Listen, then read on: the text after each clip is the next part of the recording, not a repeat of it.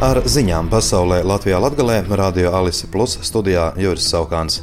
Izraēlas armija šodien paziņoja, ka aizvadītajā dienā ir iznīcinājusi simtiem Hamas teroristu infrastruktūras objektu, prettanku raķešu palaišanas vietas, tuneļu šahtas, izlūkošanas infrastruktūru, operatīvos un citus štābus. Armija arī pavēstīja, ka likvidēta vairāk nekā desmit teroristi. Palestīniešu kaujinieki šodien pēc 15 stundu pauzes atsākuši apšaudīt Izraēlu no Gazas joslas. Aškelonā un pilsētās pie Gazas robežas skan brīdinājuma sirēnas. Vēl Izraēlas armija šodien paziņoja, ka Gazas joslu kontrolējošais grupējums Hamas esot uzpūtis otrdienas vakarā sprādzienā pie slimnīcas bojā gājušo cilvēku skaitu. Gazas joslas veselības ministrija apgalvo, ka sprādzienā nogalināti ap pustūkstoti cilvēku. Izraēlas ārlietu ministrijas preses pārstāvis Liors Haiets paziņoja, ka bojā gājušo skaits ir vairāki desmiti, un vainota notikušajā tiek palestīniešu kaujinieku grupējuma Islāma džihāds izšauta raķete. Berlīnē vakar vakarā sadursmēs ar demonstrantiem, kas protestēja pret Izraēlas veikto Gazas joslas bombardēšanu, ievainojumus ir guvuši 60 pieci policisti. Akcija sākās Berlīnes Neikelnas rajonā, kur apdzīvo arābu izcelsmes iedzīvotāji. 174 demonstranti aizturēti, pret 65 notiks tālāka izmeklēšana.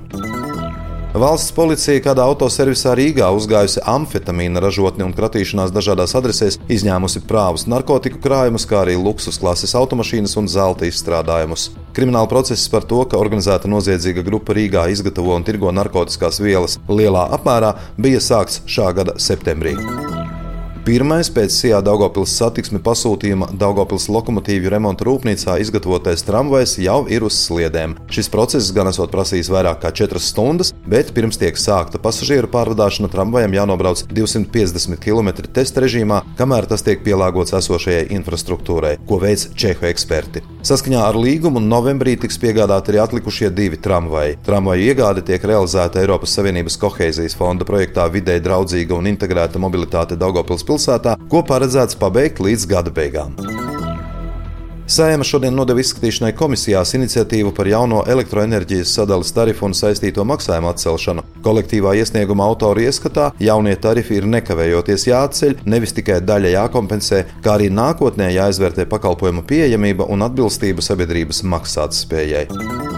Prēļu novadā pabeigta divu industriālo zonu būvniecība ar nolikta vēkas un saistītās teritorijas rietumu ielai piegulošā teritorijā nodošana eksploatācijā. 11. oktobrī noslēdzās projekts uzņēmējdarbības vides uzlabošana un investīciju piesaistes veicināšana Prēļu novadā. Iecerēts, ka šī projekta realizācija uzlabos novada ekonomisko stāvokli. Būvniecības kopējās izmaksas sasniedza 1 124 000 eiro.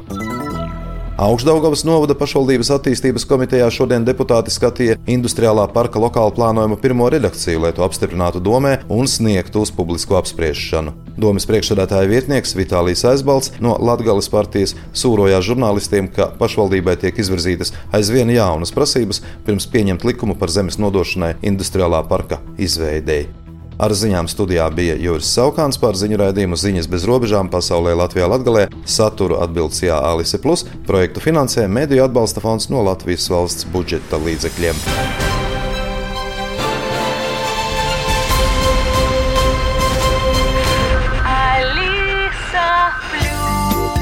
Radio